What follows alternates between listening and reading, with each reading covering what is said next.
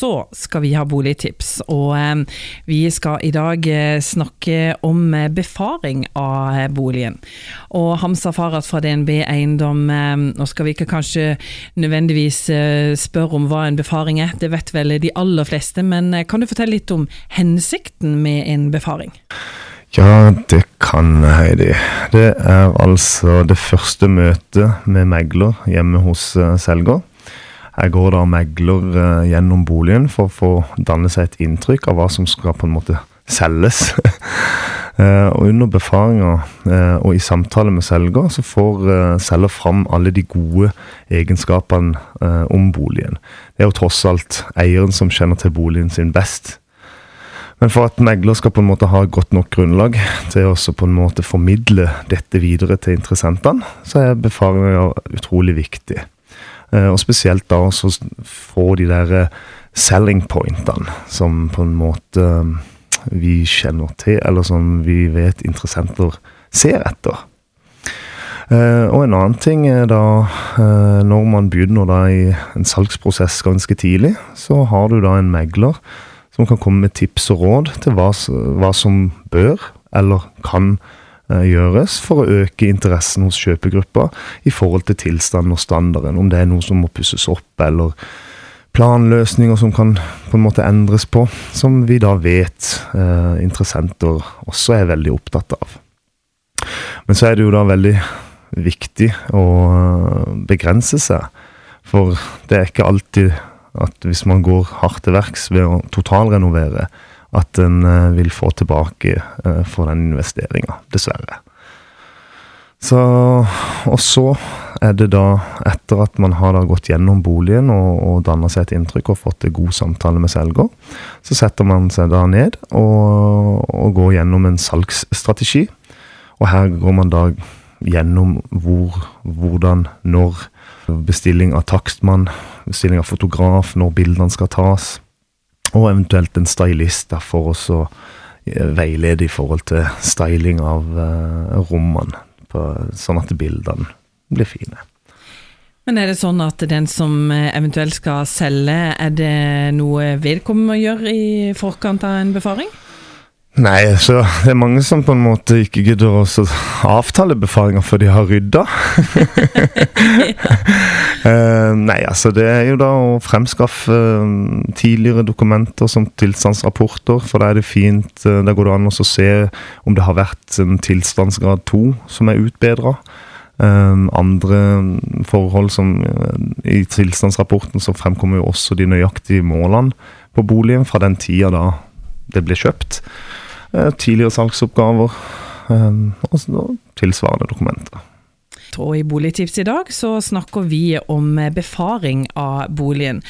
Og Hamsa Farhat, er det sånn at eh, du møter eh, mange spente kunder når det er snakk om eh, befaring? Det er det absolutt. Det er mange som er spente. De er absolutt muligens det er det første, første gang de skal selge. En har kanskje kjøpt en gang tidligere, men en salgsprosess er litt annerledes enn et kjøp. Å vite at det, et av de største livsinvesteringene privatpersoner foretar seg i løpet av et liv, det er faktisk eh, å kjøpe en bolig, og så selge den igjen. Og Da er det viktig at eh, alt på en måte stemmer, eh, at man er tilliten verdig, for det er snakk om store verdier en på en måte tar på seg og skal forvalte. Og det tenker jeg er veldig avgjørende for selgeren, at, at det blir gjort riktig. og Derfor så tror jeg nok de er spente.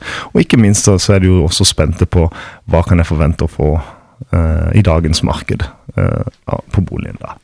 Og når man skal inn i en sånn prosess som man eh, har en befaring og på en måte man skal, skal selge, så er det vel også mye å si denne kjemien med selger? Nei, megler. Med megler, ja. Ja. Absolutt. Og det er, det er nok det som på en måte eh, er utfordringa når man er ute på en befaring. For som regel så er det kanskje to andre en konkurrerer med. eh, To andre meglere fra to forskjellige selskap. Og da er det liksom å finne ut av ok, hvem er det som passer eh, meg best. Hvem er det som har de beste eh, verktøyet. hvem er på en måte har det som trengs da for oss å selge. Um, og, og, det sånn som vi gjør det i DNB, så, så har vi da boligkjøperregistre som vi kan slå, slå, i bordet med at uh, vi har interessenter klare for å se boligen.